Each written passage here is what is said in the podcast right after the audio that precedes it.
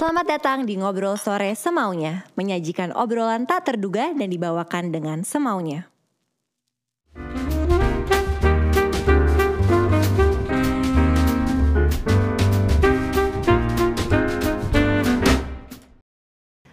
Semua, selamat datang di Ngobrol Sore Semaunya bersama gue Putri Tanjung. Hari ini seru banget karena gue gak kehadiran cuma satu orang.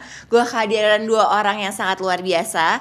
Mereka juga mensupport gue di acara Elevate Women Jadi untuk teman-teman yang belum tahu Elevate Women Jadi Elevate Women itu adalah acara yang kita inisiasikan bersama-sama Untuk mencari lebih banyak lagi women entrepreneurs di industri kreatif Untuk mendapatkan kesempatan pitching dan juga mendapatkan kesempatan untuk diinvestasi oleh the investors. Nah, dua orang yang hadir hari ini bersama gue adalah salah dua dari investors. Um, halo, hai, Hai. hai, hai, Hai. ada ada Aldi uh, merupakan ex CEO GoPay dan co-founder dari Mapan dan ada juga Nico, um, CEO Berry Ventures. Hai guys, Hey, halo guys. guys apa kabar? Baik, baik, sehat, sehat selalu, sehat selalu. sehat? Paling I'm penting sehat good, sekarang, alhamdulillah. ya. Sehat. Paling penting sehat. Kesehatan Betul. nomor satu hari ini. How's pandemic treating you 2021 gimana? Better, I think vaksin membawa banyak harapan ke Ya. banyak orang. Jadi Ya. gue sih optimis. Malah tambah sibuk gak sih? Makin sibuk. Makin because, sibuk, kan? Ya, ya. Because kalau menurut gue gini, pandemi is once in the lifetime event. Hmm. This is an opportunity, I guess, to uh, well for Berry Ventures at least to catch up with MDI misalnya, ya, kan? to catch up with uh, Mandiri Capital, with uh, catch up with the rest of the industry. Ya. gitu. Dan I, I guess you know pandemi always uh, give you an opportunity untuk to kind of reset yourself. Ya. Gue kan kemarin uh, jadi board advisor Halodoc kan. Iya. Terus kayak selama ini kan kalau di startup kan matriksnya adalah oke berapa user yang transacting, Iya. berapa apa customer yang beli, what's the Iya. revenue gitu. Tapi di masa ini kayaknya kelihatan banget Indonesia tuh gotong royong buat bantu vaksinasi gitu. Jadi Yes. di Halodoc itu kita pokoknya fokusnya oke berapa orang yang divaksin gitu. Terus siapin drive thru center, BUMN bikin semuanya bikin dan kayak dapetin cita-cita dari teman-teman yang bilang oh thank you ya drive thru-nya enak orang tua gue divaksin gue ngerasa aman tuh kayaknya gimana ya meaningful aja gitu. Gue setuju sih, menurut gue I think pandemi ini membuat kita kan gue selalu merasa kalau ada keterbatasan selalu ada opportunity baru kan. And especially for the creative industries ya. Makanya kenapa Elevate Women we focus on creative industries karena menurut gue creative entrepreneurs itu malah di masa-masa seperti itu justru rise. Betul. They have a very great innovations and so on. Nah, before kita talking about Elevate Women, which kita we support women entrepreneurs di industri kreatif, let's talk about you guys first. Ceritain dong soal kayak mungkin untuk teman-teman yang belum tahu your career path in short. Gue lumayan lama sih di industri ini eh, di awal tahun 2000-an mungkin ya. Ketika gue lulus dari eh, kuliah, eh, you know, if you're a fresh grad masuk ke kerjaan dilihat tentunya satu jurusan lu apaan gitu kan. Yang kedua eh, GPA dan yang lain masih it, it matters back in the day. Ya. Terus gua, mm, you know, I, I, um, I studied in Oregon. Um, terus gua ke, gue pindah ke SF karena keluarga gue ada di sana. Terus yang mau menerima gue cuma industri.com hari itu, still.call.com hari itu. Uh, it was, I think, in the middle of a dot-com boom uh, in San Francisco. Oh, udah lama ya. Lama. Tahun Gua- berapa tuh? Gue tua gila, gua, tahun 2000. 2000. You know, I don't know if you're old enough to remember uh, misalnya ada pets.com hari itu atau atau Yeah. cosmo.com atau ada ada webband hari itu. It was like the name of the apa the the the companies hari Yeah. itu yang dominate Silicon Valley. Yes. Yahoo hari itu still, I mean Google wasn't around Yeah. atau it even wasn't significant enough hari itu.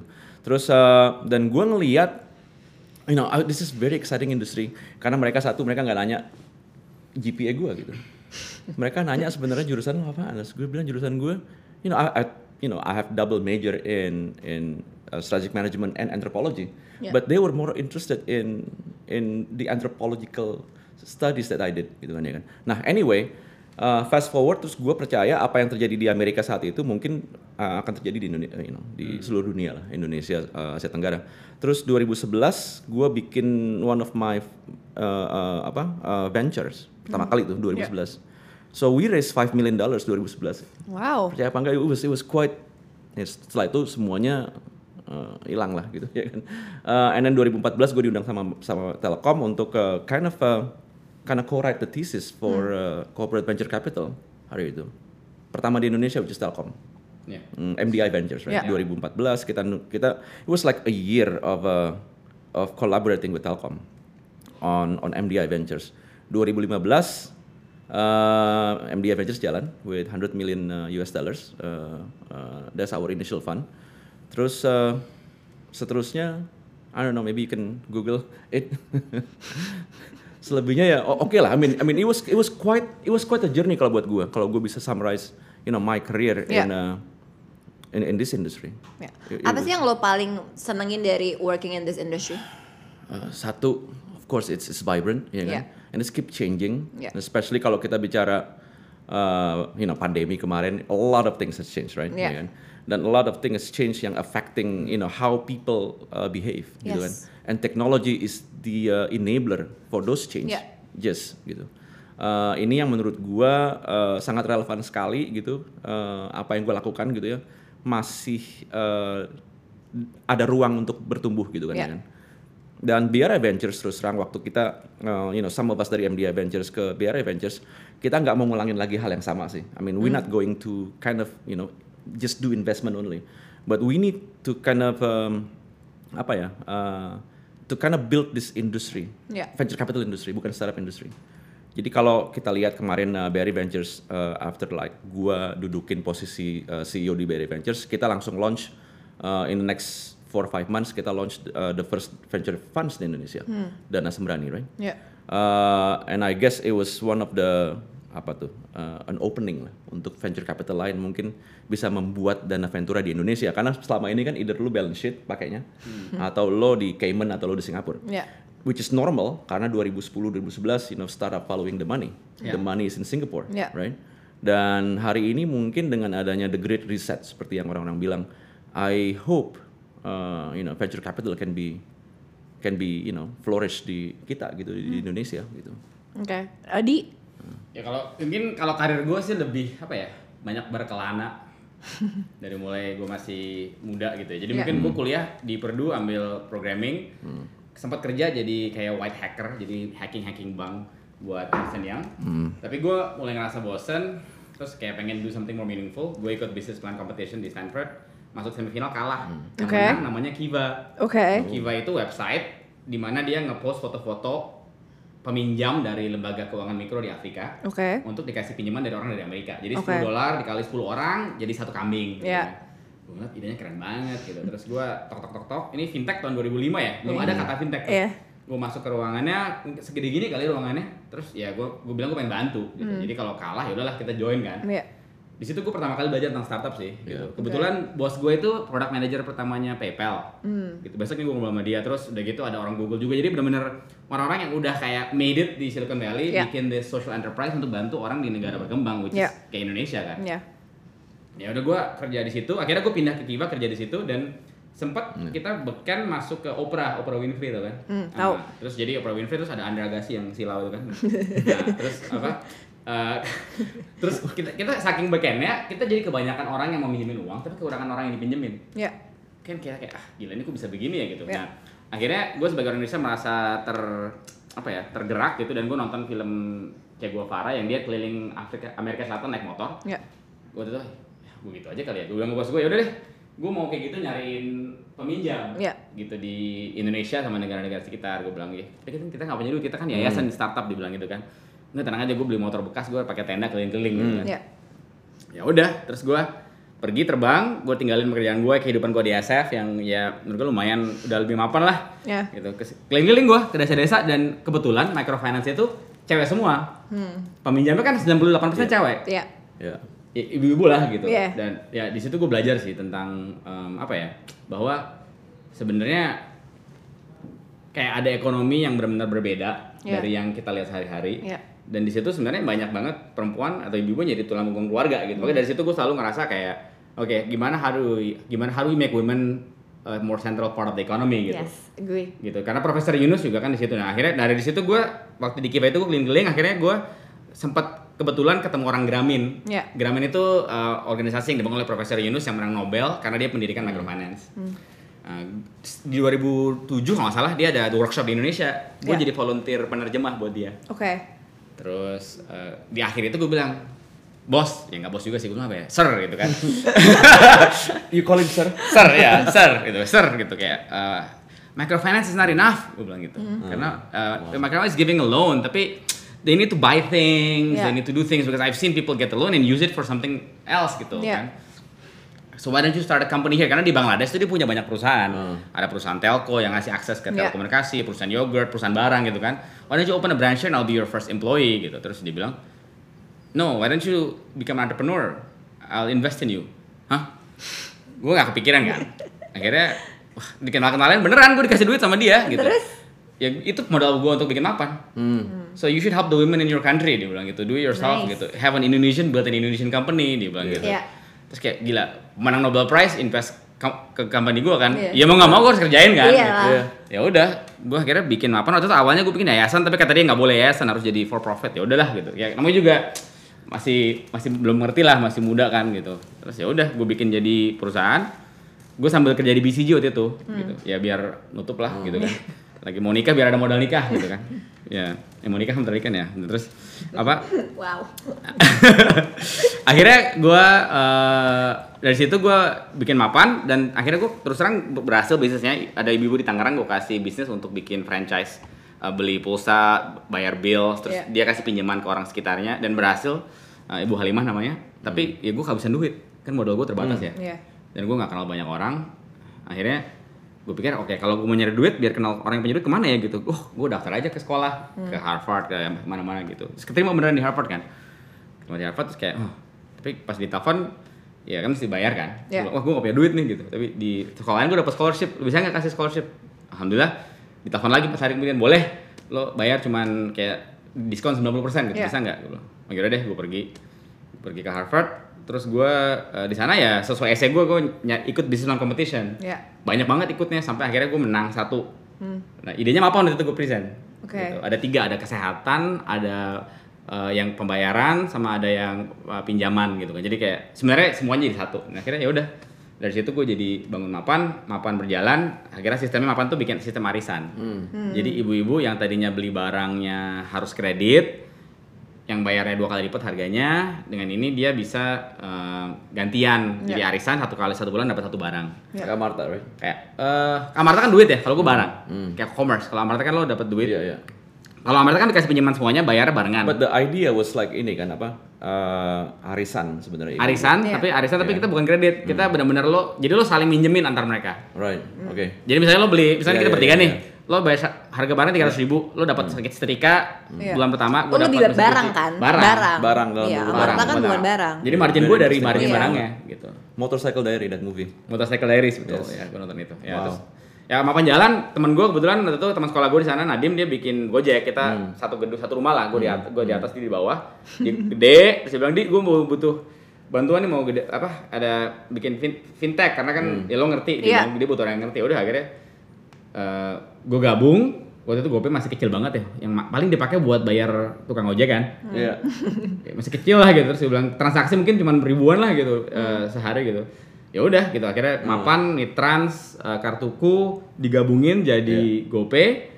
Ya udah kita kejar tuh tahun pertama kita fokusnya ke pokoknya gue bilang pokoknya kita fokusnya ke perempuan. Iya. ya nggak tahu kenapa karena gue ngerasa waktu itu perempuan lebih loyal secara customer mereka juga yang megang keuangan keluarga Iya. gitu jadi kita semuanya marketingnya perempuan manajemen gue juga banyak perempuan Iya. Eh, ya udah fokusnya ke situ dan perempuan suka makan jadi banyak Iya. di tempat makan Betul. Iya bener kan? Gitu QR ya udah. Dari yang seribu transaksi sehari kita akhirnya sejuta. dalam Lebih disiplin bulan. juga bahkan ya. Lebih disiplin. Iya, bayarnya. Bayarnya benar lebih gitu. disiplin, eh, lebih rapi. Jadi kayak menurut gua dan mereka lebih susah untuk dap. Cowok lebih mau nyoba, tapi lebih gampang pindah. Iya. Kalau Betul. Iya kan? lebih loyal ya. Lebih loyal, lebih susah untuk dapetinnya. Iya, iya. Tapi kalau dia udah percaya, dia akan Betul. akan lebih loyal gitu. Just like Zappos, that's Zappos story actually. Iya, betul. Ya kan? Kalau udah udah udah ke Zappos, you know, pertama kali makanya kan uh, Betul. Tony Sa, uh, Tony Hsieh. Tony Hsieh. Dia bilang uh, you know, delivering happiness if the customer is happy which is most of the ini adalah perempuan lebih loyal. you know. Betul, Iya. lebih loyal. Jadi value proposition ini bukan hanya promo kan, apalagi kan mereka Betul. sehari-harinya butuh kan. Jadi Iya. kita persoalannya waktu itu pokoknya ibu-ibu muda atau perempuan yang baru karir muda Iya. gitu yang yang yang selama ini mungkin nggak diperhatiin pokoknya selalu kan fokusnya ke cowok-cowok cowok Iya. gitu kan. True.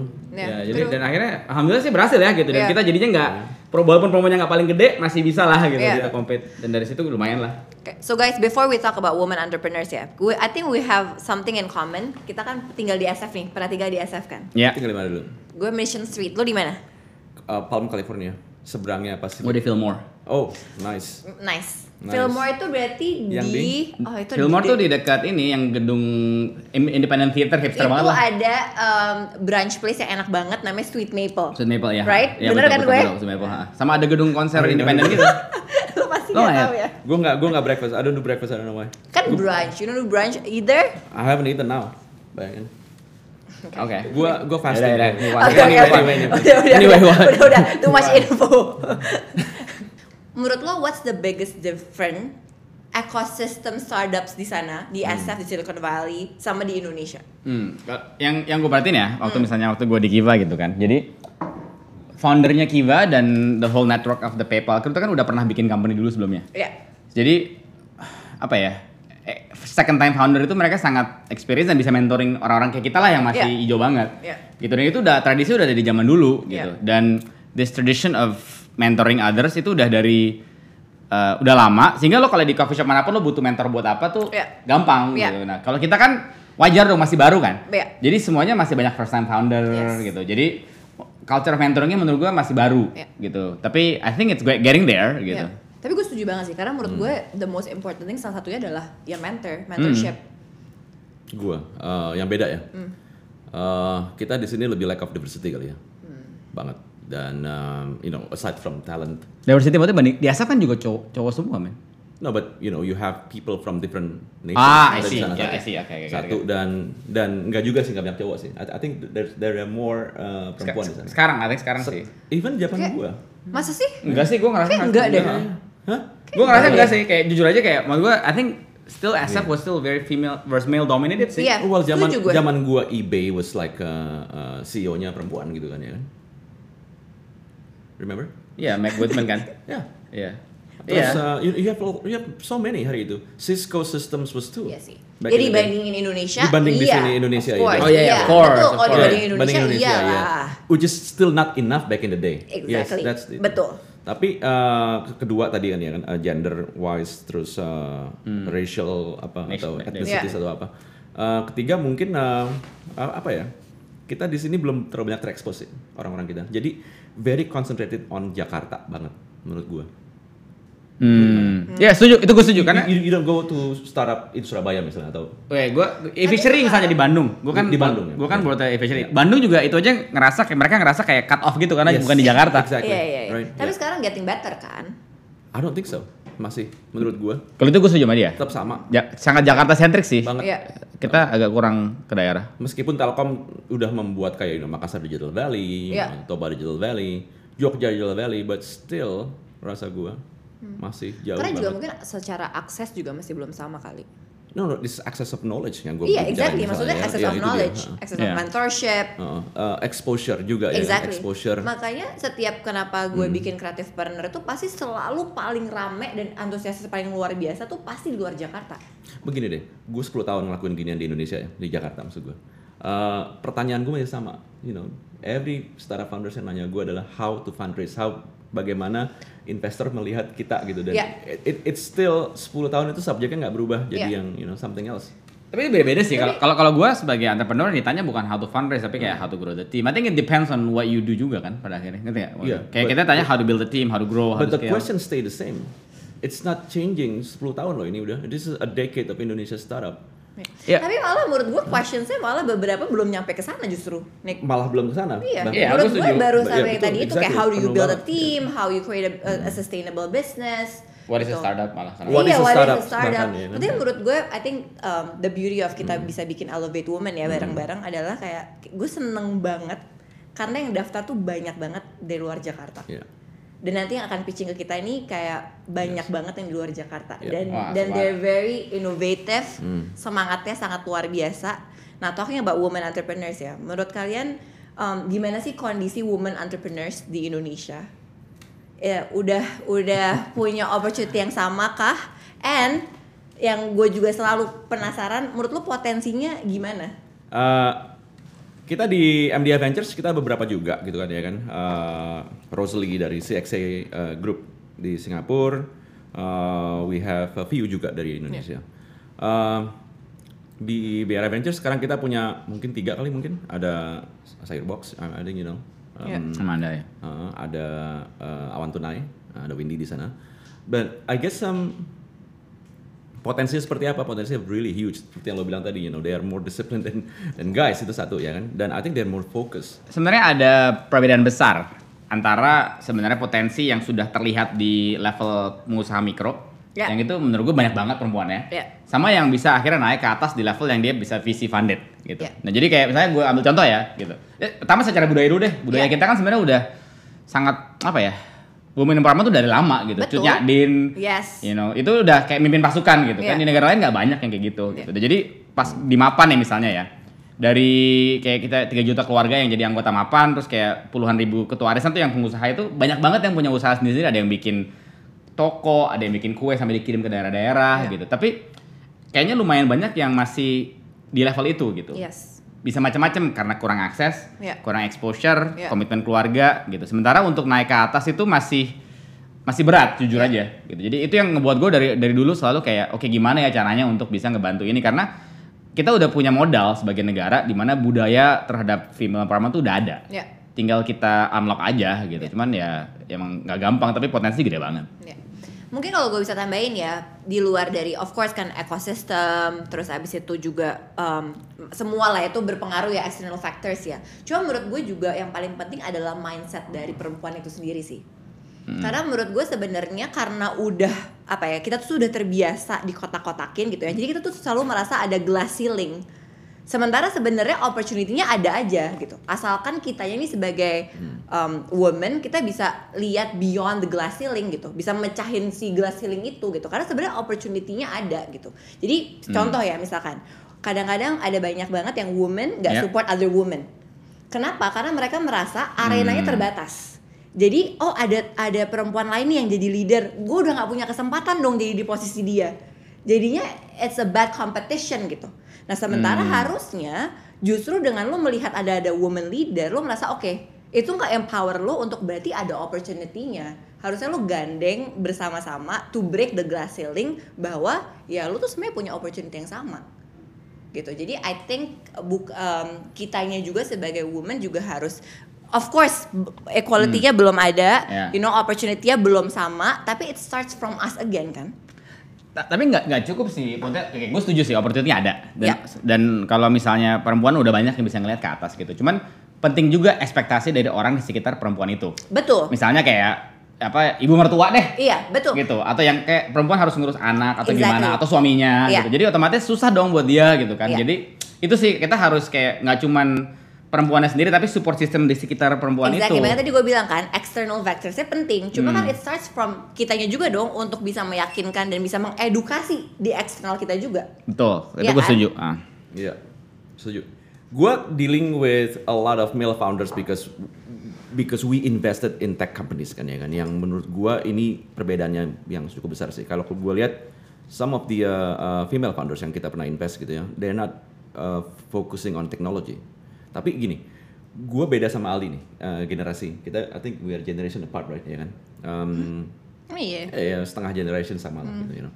But you know, you are more exposed into a sustainability, into Yes. more impact Yeah. investing. Yes, right. Gitu. iya, iya. Setuju kalau itu. Gua growing up in a more, um, you know, my first career was like more uh, deep tech, you know, less, uh, focusing on, you know, fu- futuristic something gitu kan ya kan. Jadi gue lebih dealing with nerds, let's say. Aldi dealing with per- perempuan misalnya Iya betul. Ya. kan? Gue dealing with nerds dan di kategori tersebut memang jarang perempuan sih. Kategori itu yang kita bicara, you know, people at work yang bahkan mungkin nggak pernah kawin atau nggak pernah punya pacar, ya kan? 24 hours, you know, coding dan yang lain. You know, I was part of the the the I think the first wave of generation of investors yang Yeah. suka nih entrepreneur kayak begini yang nggak yang nggak tidur, yang nggak punya kehidupan gitu kan ya misalnya. Hmm. Nah, i- i- itu kali dan gue setuju. Heeh. Iya. Tapi gimana? Ya itu sih yang penting gimana caranya dari bawah bisa dibawa ke atas. betul I betul think we need more women coders. Of course. Women- Dan women sekarang in- udah banyak banget menurut gue kayak kelas-kelas udah udah banyak banget gerakan-gerakan itu juga sih to Yeah. support women coders ya. Iya. Gitu.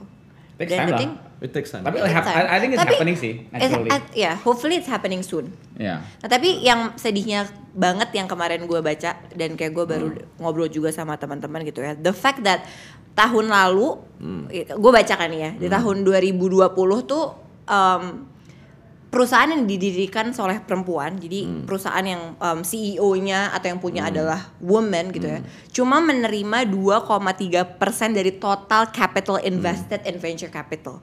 2,3 persen loh, which is very, Dunia nih. iya Iya tahun lalu, ya. tahun lalu tahun lalunya bahkan turun dari tahun lalunya lagi 2018 was um, 2 2.8 Ya. 2000 ya 2019 2.8 gitu. Agree. Nah, jadi kan maksudnya itu bacanya aja lumayan sedih gitu. Sementara gue merasa kayaknya banyak banget women entrepreneurs out there gitu. Nah, menurut kalian um, kenapa sih kenapa venture capital nggak begitu banyak menginvest di women entrepreneurs? Eh, tahun lalu menurut gua agak specifically agak beda-beda ya. Iya. Gitu, Kayak apalagi dengan yang gua ngerasain sih dengan remote schooling. Ya, Somehow ya, walaupun dua-duanya kerja dari rumah, tapi tetap istri yang dirasa lebih bertanggung jawab terhadap sekolah kan. oke. Jadi it actually makes it harder sebenarnya buat perempuan untuk bisa do something like yang bisa jadi venture funded. Iya, betul. Gitu dan dan ya jujur kan gue Karena kondisinya. kondisi dan gue jujur gue waktu itu nyoba kan kayak gue Iya. kayak ngajak anak-anak gue pergi gitu seminggu dan gue harus ngurusin sekolahnya gila tuh pusing banget sih Iya. nggak kebayang kan gitu nah Iya. so I feel I, I understand gitu bahwa last Oke. year is different gitu But let's talk about 2019 dan it's 2.8 persen karena masih masih kecil kan. ya Nah nggak maksudnya kayak pertanyaan adalah menurut lo kenapa venture capital nggak fokus on investing di women entrepreneurs? hmm. Because kalau gua boleh Yeah. tambahin. Uh, the traditional venture capital mandate is to invest in high tech companies. ya. Oke. Kalau kita lihat lagi nggak hanya perempuan sih yang dapat uh, sedikit funding di di at least divisi industri, tapi kita lihat uh, you know minorities seperti African American juga nggak terlalu banyak dapat atau Latin Amer uh, you know uh, Latinos uh, di Amerika juga nggak banyak yang ada di Silicon Valley untuk diinvest gitu kan ya. kan? Ya. menurut gue gitu jadi kalau kita lihat makanya ken- kenapa nggak hanya ada uh, you know something like elevate uh, a woman VC di Silicon Valley juga ada African American VC di di sana yang untuk empower uh, all African American founders gitu Ya. Kalau kita lihat kan ada uh, gini di Silicon Valley is, is, is really obvious banget siapa yang di invest dan siapa yang enggak. If you're Asians like Oriental you know Chinese I don't know if Oriental is the right word for it uh, people like myself misalnya kan atau Indians uh, Jews di sana you know or you know Eastern Europeans right? Itu kan yang banyak yang istilah apa tuh?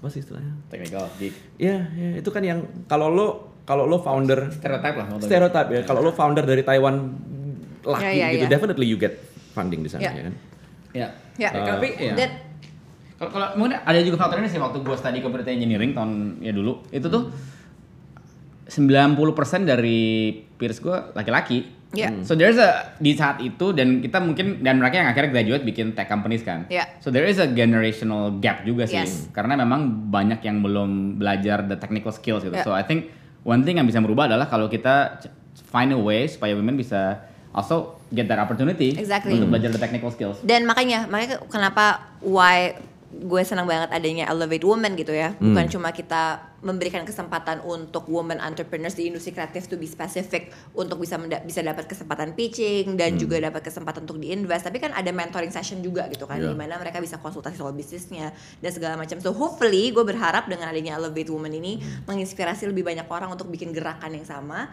Or hopefully siapa tahu Elevate Women punya visi kan. oh harus. Iya kan? harus harus ada harus visi kan. dengan Nah, mandat yang khusus untuk ini gitu ya Iya. Iya, iya. Nah, tapi gue gue penasaran waktu itu waktu gue telepon kalian gitu ya, apa yang membuat kalian mau bergabung di Elevate Women? What do you see from Elevate Women?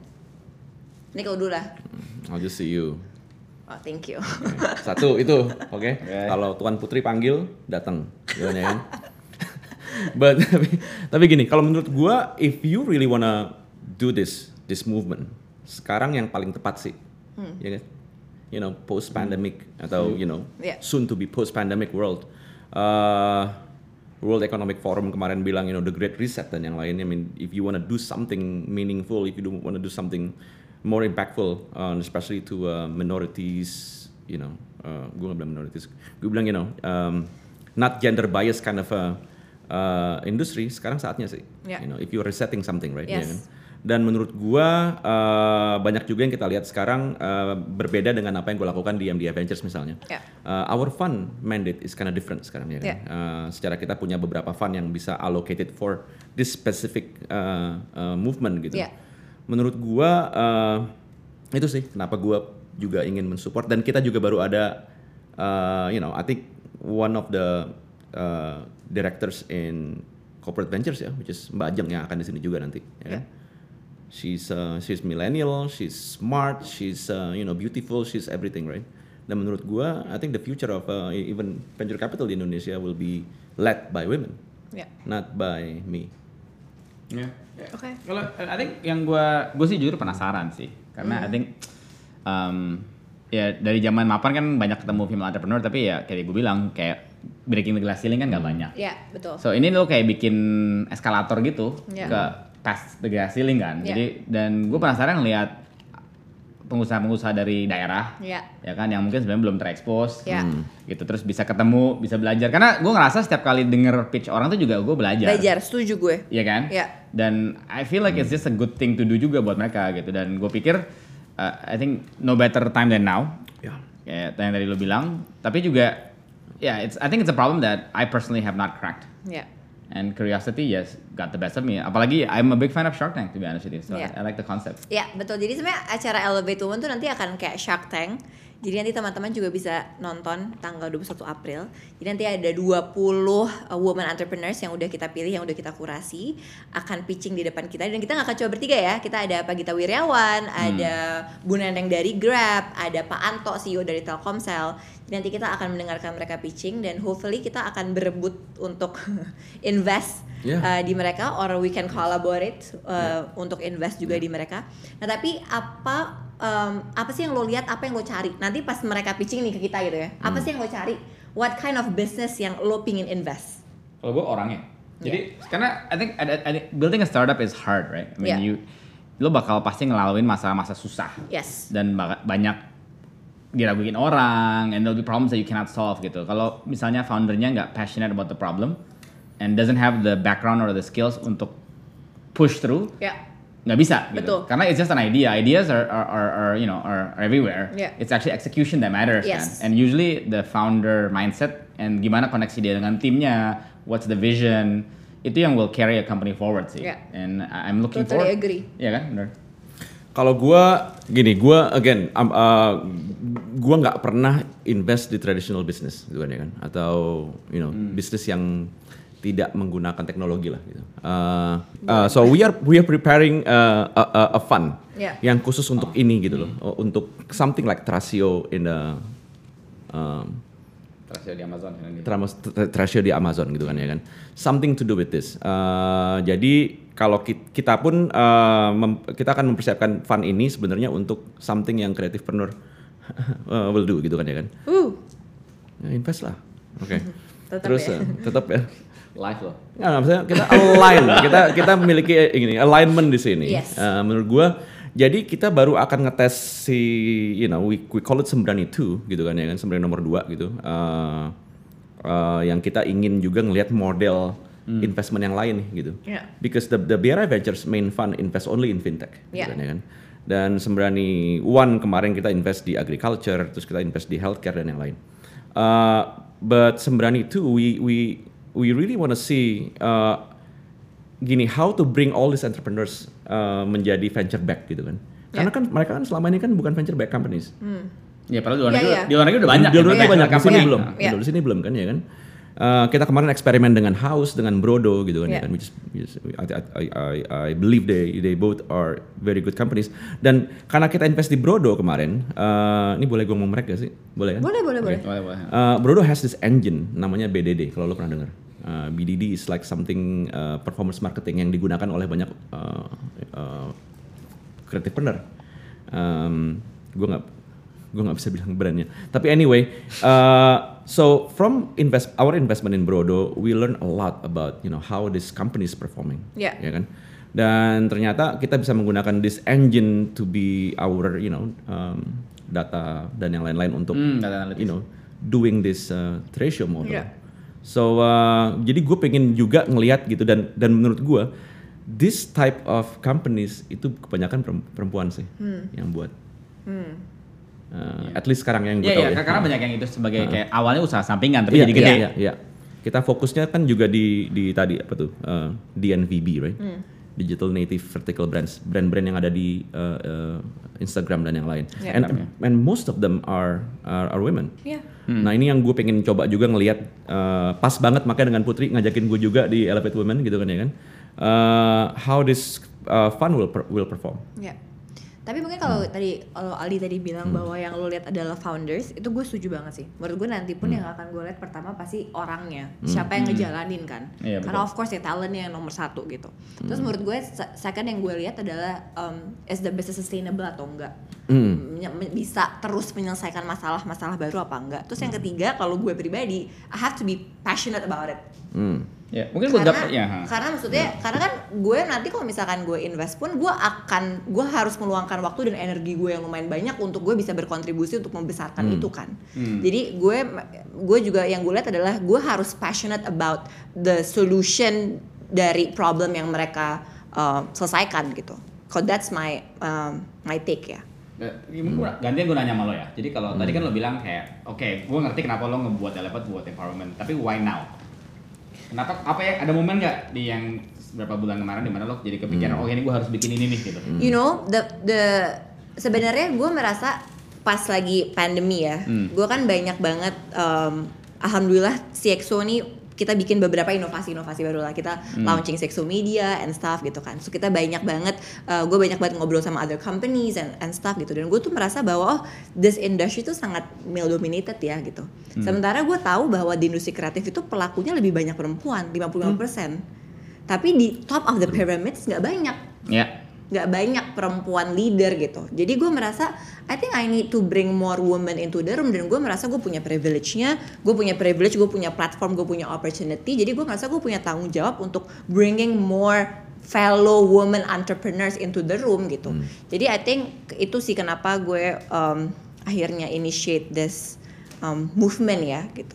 So Yeah. I'm I'm so excited karena gue jujur pas gue lihat um, orang-orang yang daftar gitu ya di Nick, Hmm. gue tuh kayak ada beberapa yang gue tuh tear up karena gue bangga banget, Iya. gue bangga banget gitu.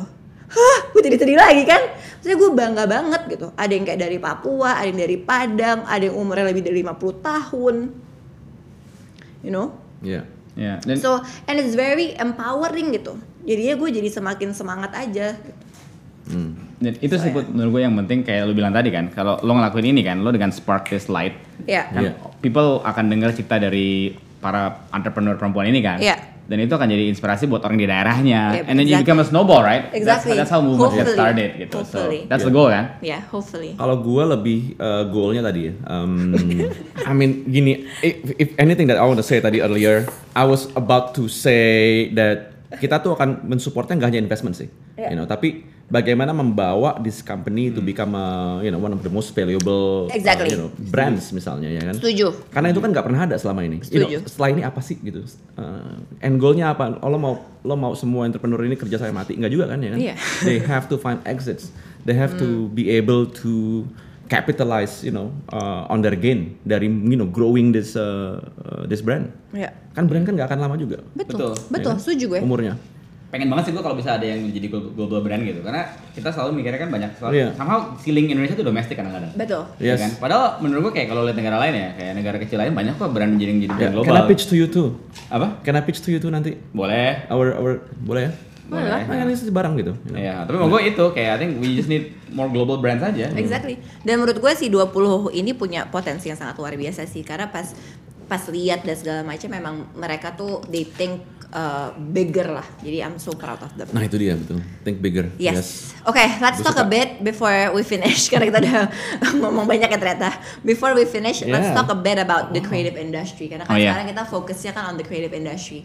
Gimana lo melihat potensi industri kreatif di Indonesia seperti apa? Um, sekarang juga seperti apa? Dan um, kalau gue sih gue percaya banget sama creative entrepreneurs ya gitu. Kalau kalian gimana? Ya, menurut gua kalau negara itu mau jadi jago di sebuah industri ya, harus ngelihat dari secara culture ada fondasinya nggak gitu. Ya. Dan gua ngelihat Indonesia itu sebenarnya udah punya budaya. Kalau lo ke Bali deh, ukiran-ukirannya di Jepara juga. I think as a as a culture Indonesia sebenarnya punya banyak art artisan. Ya. Tapi semuanya Betul. masih masih benar kan masih banyak artis Betul. dan everything is good at a small scale. Iya.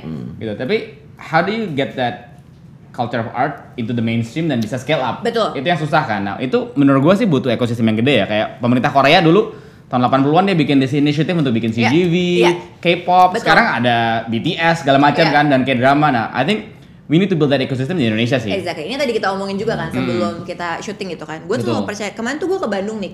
Gue kemarin ke Bandung terus gue ngeliat banyak banget creative entrepreneurs artisan kan. Hmm. Yang keren-keren Yes. banget, yang inovatif banget. Bahkan ada beberapa yang menggunakan teknologi Yes. to you know membuat karyanya menjadi lebih baik lagi gitu ya. Dan yang gue senang dari Bandung adalah apa mereka tuh start building their own ecosystem Ya, kalau itu their own creative ecosystem. Jadi Yes. komunitas mereka tuh kuat banget gitu.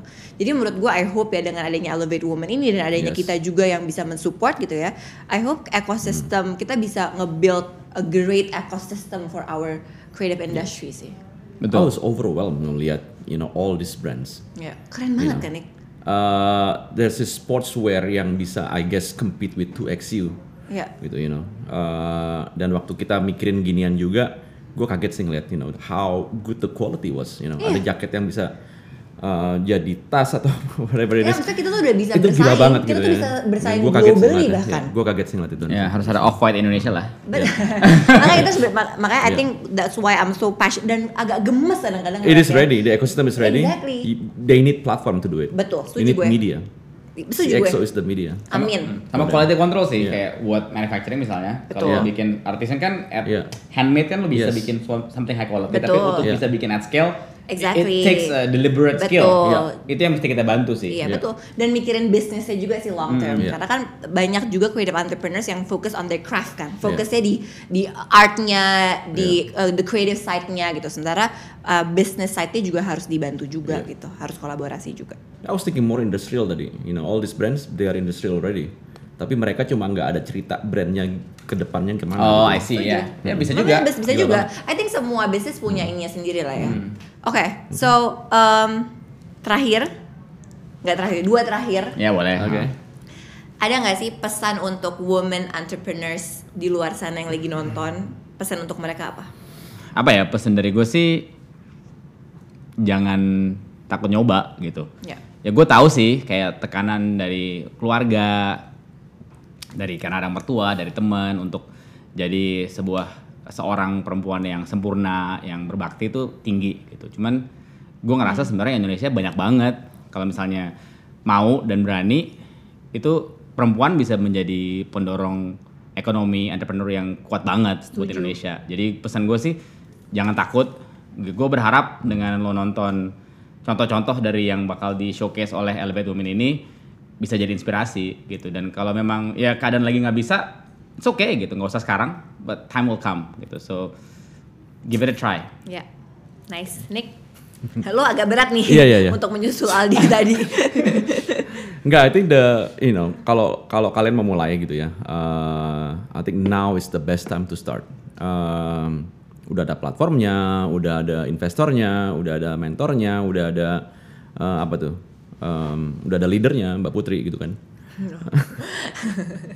Enggak, tapi ada gini. Kalau kalian mau mulai sekarang saat yang tepat, kenapa? Because uh, all the attention is on you, gitu kan. Uh, dan I guess uh, kalau misalnya any other time, maybe uh, belum tepat saatnya gitu ya. Uh, kalau kita lihat wakil presiden Amerika Serikat juga perempuan gitu kan. Kalau kita lihat um, banyak pemimpin perempuan sekarang Ya. uh, than any other time in in any eras gitu kan ya kan. Um, jadi mulai tadi setuju kata Aldi jangan jangan takut ya takut mertua. Ya pokoknya ya just give it a shot I think. Oke. Gila ya dari lu tadi ngomong Panjang, panjang-panjang mertua. dan bagus-bagus ya dia ingetnya cuma yang mertua. That Karena mungkin itu yang, yang resonate. Betul. Itu ada apa dengan Because that was the most sensitive one, right? Ya apa nggak sih? That's something yang you, you know, I don't know. Ya, Anyway. I mean, at- ya, tapi it's reality right gitu dan I think ya i- itu this reality yang jadi tantangan kan. ya. Iya, iya, iya. Not, not, so not only glass ceiling, but you have to break uh, the feudal system on how uh, men treating women. Ya Yeah. nggak sih? Ya. Betul, setuju Iya. ya. Dan emang nggak gampang sih gue kan kebetulan gue sekarang lagi lagi nggak kerja, istri gue yang lagi kerja. Oh, Gua wow.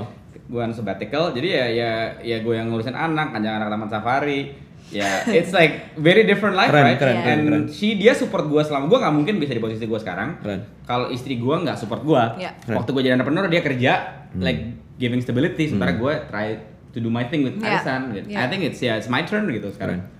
Ya, ya kalau kalau dari gue sih kayak I'm so proud of uh, you know all the women he- yang hebat-hebat banget di Indonesia. Karena menurut gue perempuan tuh punya tanggung jawab yang besar kan dan punya pressure dan tuntutan yang juga besar gitu. Lo dituntut untuk jadi sempurna lo dituntut untuk multi peran lo dituntut untuk bisa semuanya gitu. Jadi I'm just so proud of um, you know semua women entrepreneurs yang bisa ngebalance everything and do it um, dengan perfectly gitu dan semoga dengan adanya Elevate Women yang tadi lo bilang can inspire dan jadi snowball untuk banyak perempuan lain juga untuk you know start their own business atau jadinya lebih punya banyak role models and examples uh, to inspire them. Nah terakhir dari kalian berdua harapan dari Elevate Women. Oh. Lo apa yang lo harapin Elevate Women tuh ke depannya gimana? Hmm, gantian lo dulu Oh, the, the, the you mean the platform?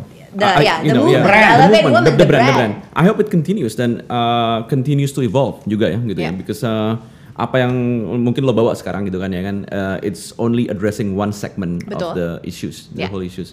Uh, ke depannya mungkin kita harus address tadi, you know, how to deal with mertua tadi, how to deal with, you know, oh gini, because gini, gua gua gua, I, I guess this is the uh, the anthropologist in me. I mean, I mean serious. Iya, gini, iya. the anthropologist in me, it's it's never about sebenarnya gini. It's it's never about how the uh, the office life treating uh, women atau the industry treating women, tapi you know the this antiquated you know belief ideas that eh, tadi seperti kata lo juga, you know Yeah. perempuan dituntut untuk sempurna dan yang lain, which is true too, you know Yeah. ya kan. Um, itu yang harus berubah sih nanti ke depan. Jadi so you are building a mindset sekarang. You're not building any any apa uh, misalnya uh, platform untuk mereka maju ke depan economically, but you are changing the whole paradigm about how men view women gitu kan Yeah. ya kan ke depan. Dan ini yang menurut gua I guess uh, very interesting to to explore. I'm your man for that. Thank you. Ya, Oke. mantap. Ya, I think for me harapan gue sih ini bisa menjadi support system Ya. terbesar buat perempuan yang mau jadi entrepreneur di Indonesia. Betul. Gitu. Karena pada akhirnya that's what's needed right gitu. Karena harus not only the women supporting each other, tapi the whole experts yang mentoring mereka, the whole media, the whole government. So by gathering these women harusnya it's gonna be easier to support them Ya. dan mereka akan jadi lebih berani. Ya, setuju gue.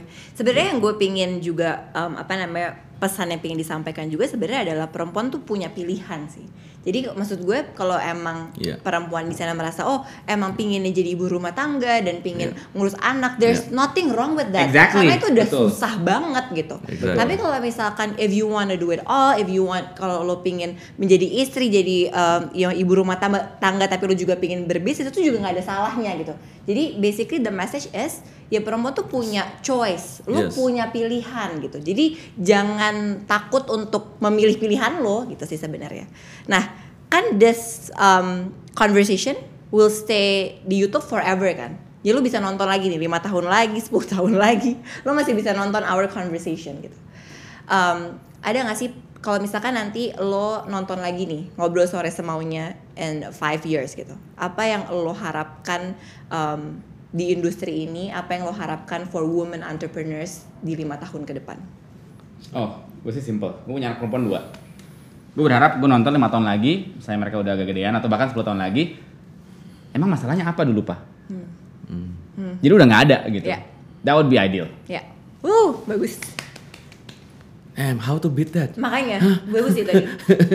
itu berat Apa kita banget. close itu aja ya? itu kalau satu aja Apa kali ya. kita close itu aja ya? Yeah, yeah, yeah, yeah. I, I don't think you know. Uh, well, I I can't relate because I have a boy. Satu Ah. gitu kan ya kan. Jadi um, kalau menurut gue sih gini. Um, lima tahun lagi kalau gue lihat kita ngapain gitu ya hari ini nonton. Uh, most of the issues tadi gitu ya. Um, non-existent anymore. Seperti jadi gini. Those views, uh, you know, not only men view women, tapi how women view women juga gitu kan ya kan. Iya, nggak, nggak, nggak cuma Yes, laki sih tuh, gitu penting. ya kan. Itu setuju, itu setuju, banget, itu ya kan? penting banget. banget. Um, itu sih menurut gue yang harusnya udah nggak lagi dibicarain. Gitu. Ya. sama setuju, Setuju. gue although gue nggak bisa relate dengan two girls itu berat banget sih. You know? Ya Oke, Nico Aldi, thank you so much. Thank, Thank you you so juga. much for being here. Thank you so much for supporting Thank Elevate you. Women. Untuk teman-teman yang pingin tahu lebih lanjut lagi soal Elevate Women, bisa cek di Instagram kita, bisa juga cek di Instagramnya CXO Media, bisa cek di Instagram gue juga Putri underscore Tanjung. And I cannot wait for you guys to watch it tanggal 21 April di CXO Media dan juga di CNBC TV. Dan terima kasih untuk teman-teman yang sudah nonton ngobrol sore semaunya. Jangan lupa untuk terus nonton ngobrol sore semaunya setiap hari Kamis jam 6 sore only on CXO Media YouTube channel. Bye bye.